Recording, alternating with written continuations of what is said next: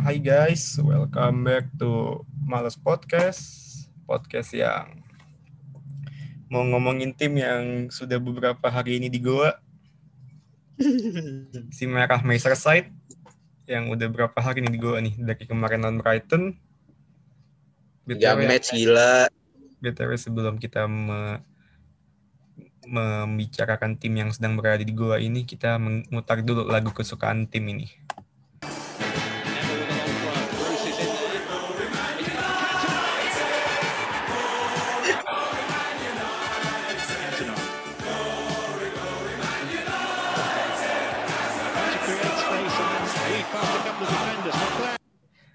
As the Reds go marching on on on the Reds Liverpool anjir. Ini Reds cabang mana dulu? Iya The Reds kan Itu banyak, Reds beda dong. banyak banget anjir cabang-cabang merah sekarang ada merah biru lah. BTW lu lu lu di gua bagian mana? Apa lu gua ituan. Gua hero. Buset Lagi nunggu deh. Wahyu ini dari malaikat. Berat juga ini pembahasannya. Nanti gue diserang sama fans Madrid lagi.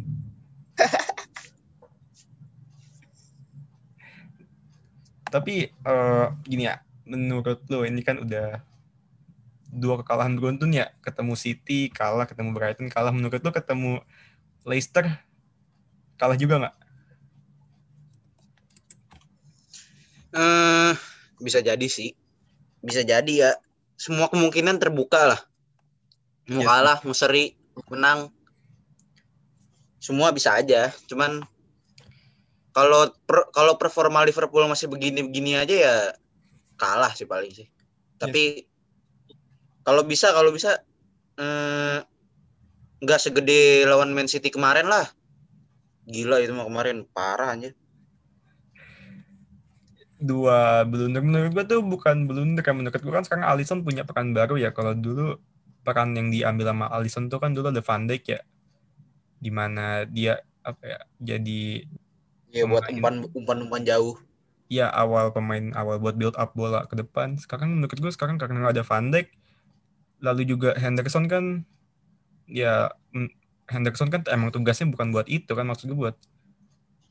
Jadi gue rasa eh, Klopp ini memaksakan peran Alisson ini buat jadi mengambil perannya Van Dijk yang Iya. yang di mana di games kemarin Alisson juga lagi sorry to say. Aduh Alisson. Lagi jelek aja performanya. ya sih itu itu belum. Dia kan si klub kan juga bilang bahwasannya si Alisson ini mungkin kakinya lagi kedinginan nih mungkin ya. Apa apa sih gue nggak tahu Iya kan, ada yang bilang kan kakinya katanya kakinya Alisson kedinginan apalah. Tapi gue gue gue gue sedikit apa ya? Gue gue sedikit eh, respect ke klub sekarang sekarang. Maksud gue dia, dia masang badan istilahnya ya. Ya gue dia dia tahu anak buah anak buahnya banyak salahnya tapi dia yang masang badan seolah-olah kayak buat ngelilingin. Gue rasa emang pemain Liverpool ya gue tahu ini musim yang berat ya buat Liverpool ya mulai dari Van Dijk cedera segala macam lah. lain juga. Jadi gue rasa ya emang udah saatnya seorang pelatih masang badan buat ngelindungin anak buahnya dari media-media. Tapi menurut lo nih, kan kemarin itu sebenarnya sempat berimbang ya, maksud gue matchnya sempat sempat berimbang lah istilahnya lah. Bahkan babak pertama pun juga 0-0 kan, Iya.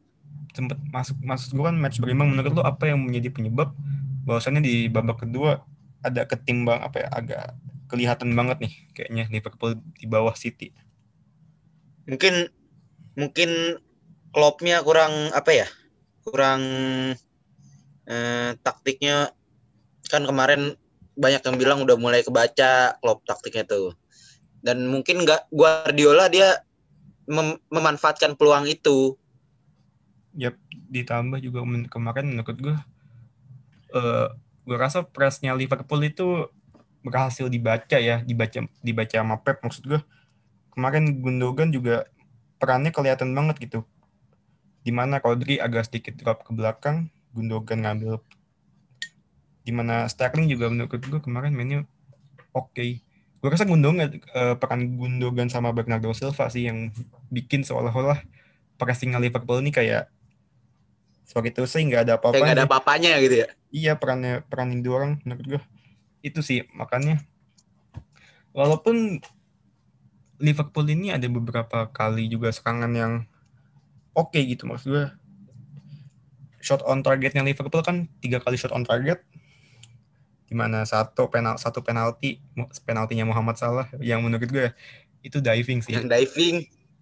diving tapi ya sentuhan kayak gitu kan zaman sekarang ya ya pasti penal pasti penalti lah sentuhan sentuhan kayak gitu mah.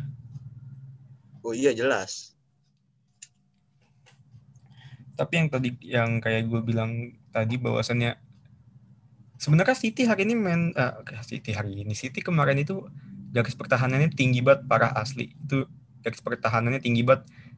Main bertahan yang 4 4 4 4 2 garis pertahanan yang tinggi itu riskan banget sih maksud gue riskan buat let's say Emang susah ditembus aja. Iya, gue rasa dan sempet juga kan kecolongan Zinchenko kecolongan sehingga Ruben Dias mesti, mesti eh, nekel salah di kotak penalti. Ya kan? Itu kan gue rasa juga golnya Iya. salah itu kan karena awalnya karena Zinchenko lost gitu, lost kehilangan Kurang foul. iya, kurang ngejagain. Tapi kalau lu lihat sini ya, menurut lu Thiago kem- beberapa hari kemarin mainnya gimana? Menurut lu Thiago? Oh, Thiago eh selama apa sejauh ini di Liverpool sih ya emang masih sebentar sih ya masih awal sih ya. Cuman eh performanya agak kurang kalau dari yang dari yang kita harapin ya, dari cedera terus sekarang performa mainnya begini.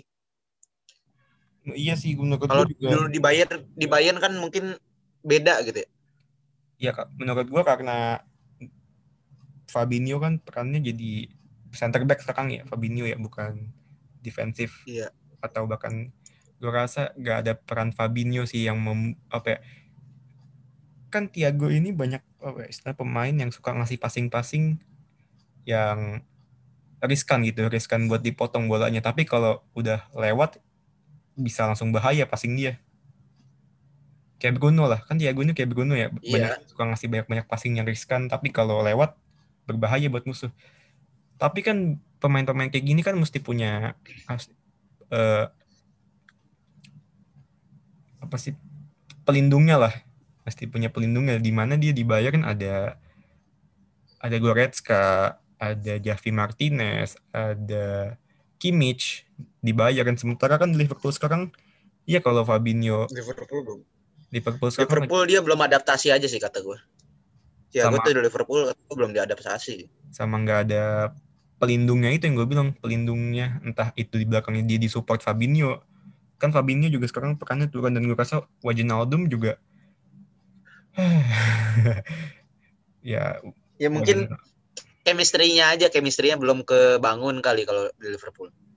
Kalau di Bayern kan dia udah lumayan lama kelihatan coachnya juga tahu dia harus gimana gimana. tapi peran Thiago ini kan peran yang harus menurut gue peran Thiago sekarang ini kan harusnya peran yang diambil sama sama Fabinho kan Thiago kan sekarang maksud gue kelihatan bermain agak lebih ke dalam gitu lebih ke, lebih drop gitu maksud gue kalau dulu kan di Bayern Iya. dikasih kebebasan. Ya di mana juga Bayern kan waktu itu juga emang lagi gacor. Goretzka gitu-gitu kan gacor parah cu. Tapi lu selain Thiago ya, lu menurut lu Robertson sama Trent ini kenapa sih kayaknya? Kayak Wah iya anjir, jauh banget full du- tuh dua fullback gak tahu kenapa ya. Agak Gue nggak tahu sih kenapa sih, cuman performanya jauh lah dari musim lalu lah. musim lalu kan maksud gue dua tiga dua tiga crossing aja udah bahaya banget sekarang udah ya crossingnya ya malah kata gue crossingnya Jangan crossing umpan, jangan kan crossing umpan ke depan aja udah lumayan bahaya kan dulu. bahkan menurut gue kalau dulu kan yang suka dibully ke crossingnya Wan bisa ke sama Shauno. Sekarang menurut gue yang dibully ke crossingnya Kobo sama Trent. Maksud gue banyak Iya. ke crossing yang atau enggak banyak kadang-kadang supply bola yang ya nggak nggak nggak nggak bagus gitu maksud gue nggak kayak musim lalu entah ya kan tren gue nggak tahu ya tren punya permasalahan apa mungkin dia punya masalah apa kayak kan kadang-kadang ada juga pemain yang kayak punya masalah pribadi gitu kan sampai Kayak siapa yang pemain Atalanta itu ya? ya si Ilcic Yang punya masalah pribadi. sama istrinya kan sempat I- agak Iya. Ya Tapi- bisa jadi sih, bisa jadi.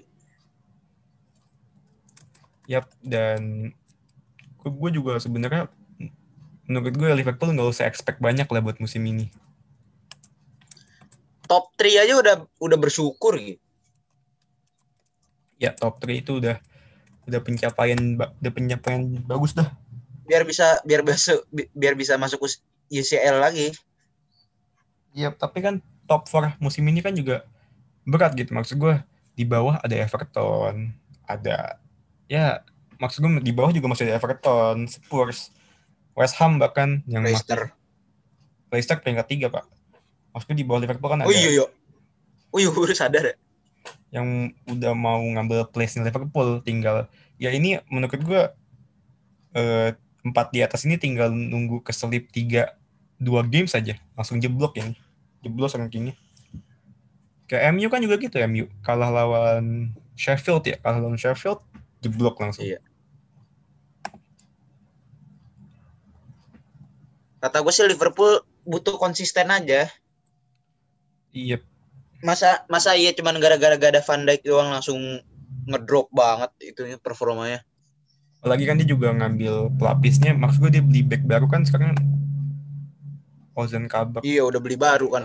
Udah Kabak ada kabak itu si Ojan. gue gak ngerti ya gue kayaknya manajemen atau enggak apa sih sport director Liverpool ngapain sih beli, beli maksud gue kenapa nggak sekalian beli center back mahal gitu entah itu Alaba siapa kayak ngapain beli Ozan Kabak Kan hemat. Hemat dong. tapi kan nggak nggak nggak semua pemain itu kayak Robertson bisa diubah jadi pemain hebat Iya. Mungkin mungkin manajemennya karena karena berpikir Klopp dengan semua hasil yang udah didapatkan selama ini, mungkin dia pikir Kabak nih bisa bisa di, bisa dijadiin bisa dipoles sama Klopp ini lebih bagus kali. Sama satu lagi siapa sih? Davis Davis itu ya?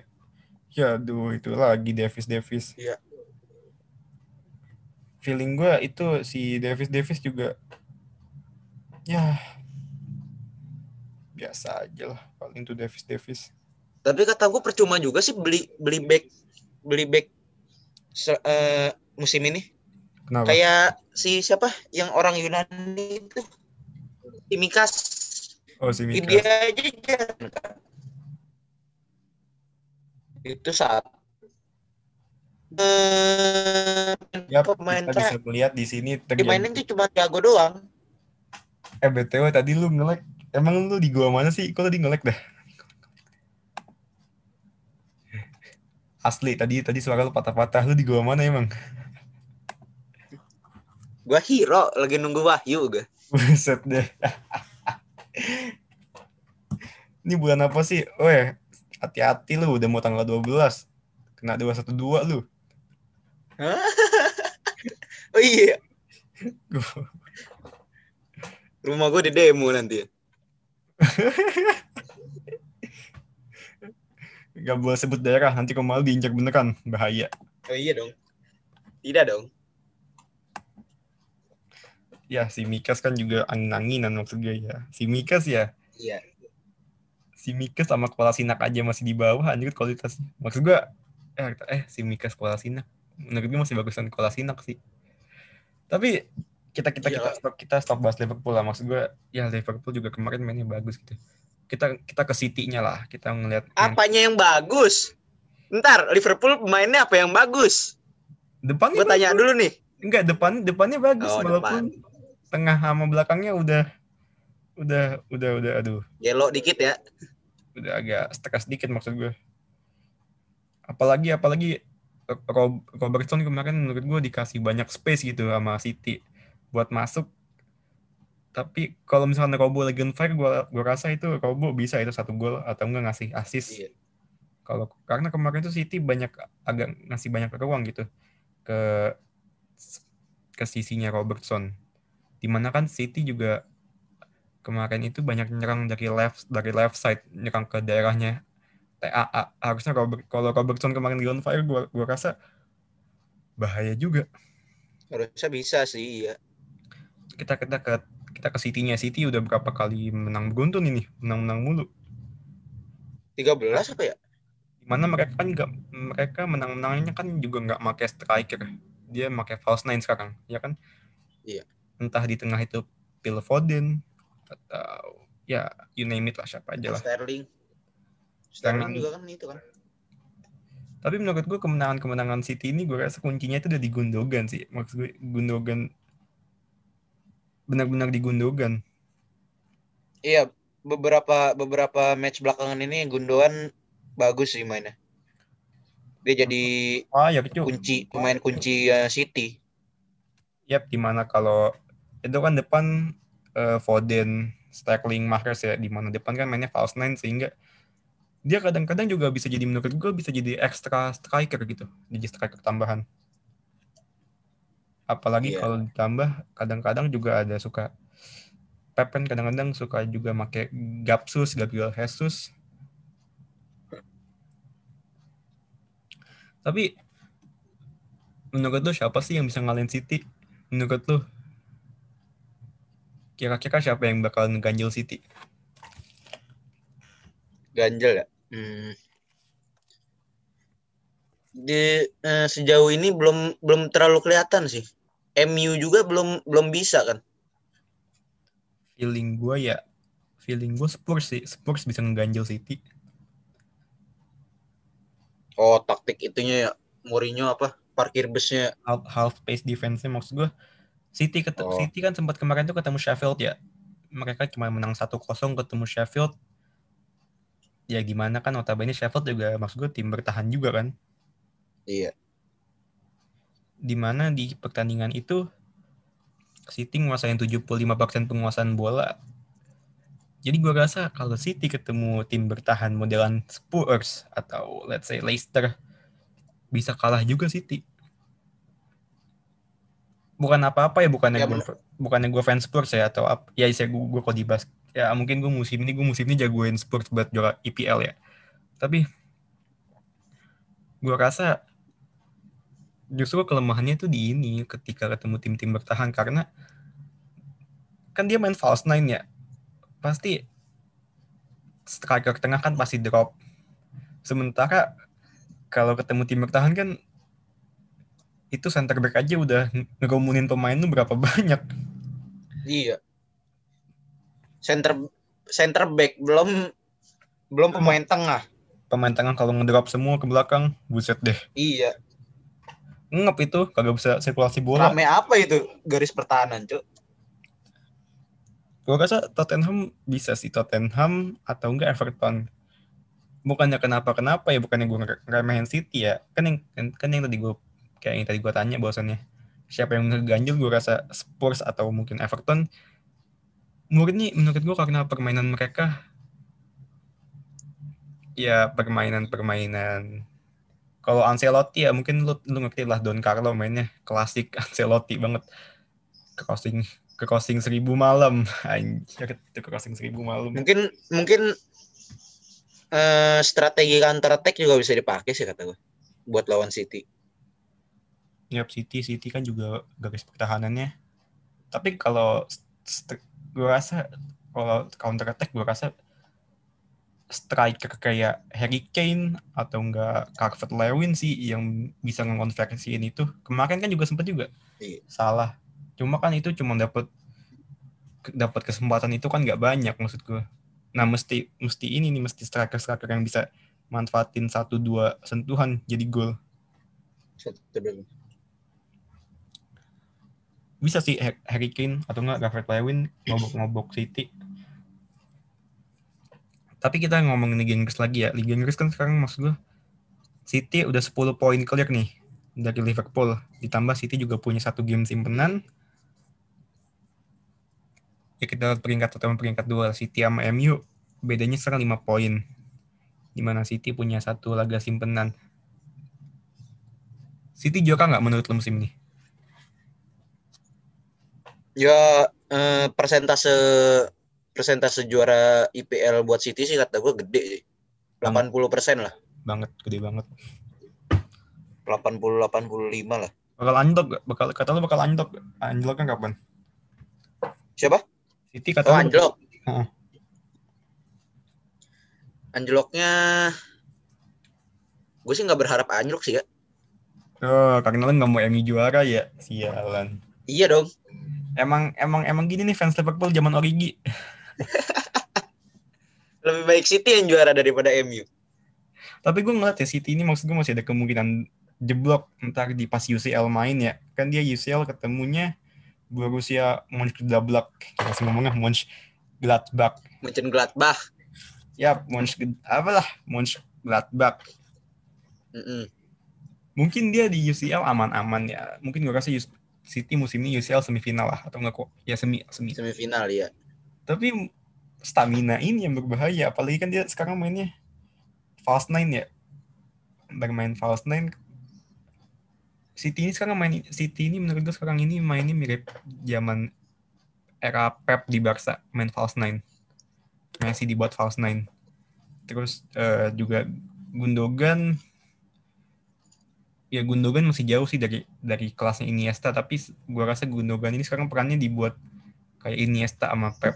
Perannya ya perannya ya bukan gue bilang Gundogan Iya. kayak Iniesta tapi perannya Gundogan dibuat biar kayak Iniesta. Sementara eh, Rodri lebih dibuat menurut gue perannya Rodri sekarang ini lebih dibuat kayak perannya dulu Sergio Vasquez lalu Cancelo. Perannya menurut gue kayak Dani Alves Yap, kayak Dani Alves. But ya Ya mungkin itu strategi Pep kali ya. Apa? Pep mau pakai strategi zaman dulu di Barca. dan efektif kan maksud gue karena di Bayern kan di Bayern kan juga sempat beberapa kali nggak ba, di Bayern kan sempat Pep sempat gonta-ganti gaya permainan juga kan di Bayern Munchen waktu itu Iya. karena kan Pep ini tipe yang benar-benar ya sepak Ya bola. kita tahu lah kualitasnya Pep kayak gimana. Tapi gua rasa musim ini musim laki juga sih buat City karena pemain yang cedera ya di awal Pemain sih, Liverpool banyak yang cedera. di awal sih Aguero cedera ya. MU lagi turun. kan di awal Aguero itu cedera.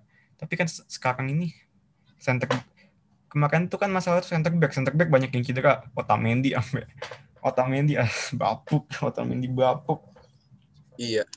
Udah udah banyak yang cedera, banyak yang kena Covid juga kan. Ya, City kan kemarin juga Ederson aja dulu kan sempat kan. Iya City kan kemarin masalahnya itu cuma sekarang menurut gue habis paruh musim udah mulai sehat-sehat udah mulai nemu ritmenya tinggal ya tinggal Tinggal poles aja dia. poles dikit-dikit lah istilahnya Tinggal konsisten. istilahnya ini, ini motor udah di udah di custom tinggal dipoles dikit aja tapi ini ini, ini terakhir ya andai MU bakal drop lagi nggak kata lu? eh mungkin kalau lawan kalau lawan tim papan bawah sih ya. ya, ya Kemarin aja Sheffield kalah sama Sheffield. feeling gue juga Sheffield. gitu sih feeling gue feeling gue MU juga ngedropnya nanti ketemu tim-tim papan bawah sih feeling gue gitu juga nggak tahu ngapa ketemu atau Kata gua kata gua MU tuh eh dia kalah karena lawan tim papan bawah. Kenapa gitu? Karena dia eh, tim papan bawah kan pasti dia mainnya lebih defensif dia.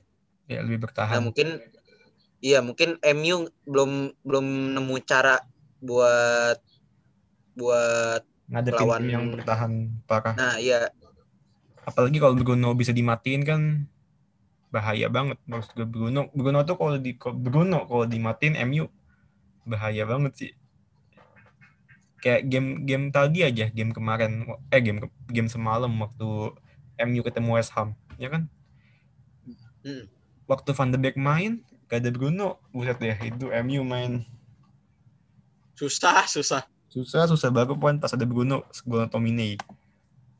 Ya, itu menurut gue juga peran Bruno juga sih walaupun gak secara langsung Bruno yang ini. Tapi ya, ya udahlah I think gue rasa ya udah cukup lah kita kita kita tak usah membahas tim kita ngebahas Arsenal nggak nggak usah ya nggak usah kan kita kita nggak usah ngomongin Arsenal nggak nggak Emang masih ada di IPL dia? Waduh. Lu lu lu mau lu mau kena sambit coach Justin apa? Coba ya andai Jangan kan nih nanti di blok sama Coach Justin, jangan. Andai kan podcast ini ada coach Justin. Buset deh. Seram juga ini podcast kalau sampai ada coach Justin nih. Satu episode doang udah. Iya, Seluruhnya di blok. eh. buset deh. Di blok-blok udah ke jalan Monas. Aduh. Dalah, dalah. Besok eh lusa tanggal 12 ya. Aduh. Iya. Dalah, dalah. Dalah, kita, kita kita kita tidak usah membahas hal yang tidak perlu. Yang penting kemarin tim gue Madrid menang 2-1. Udah, dadah guys.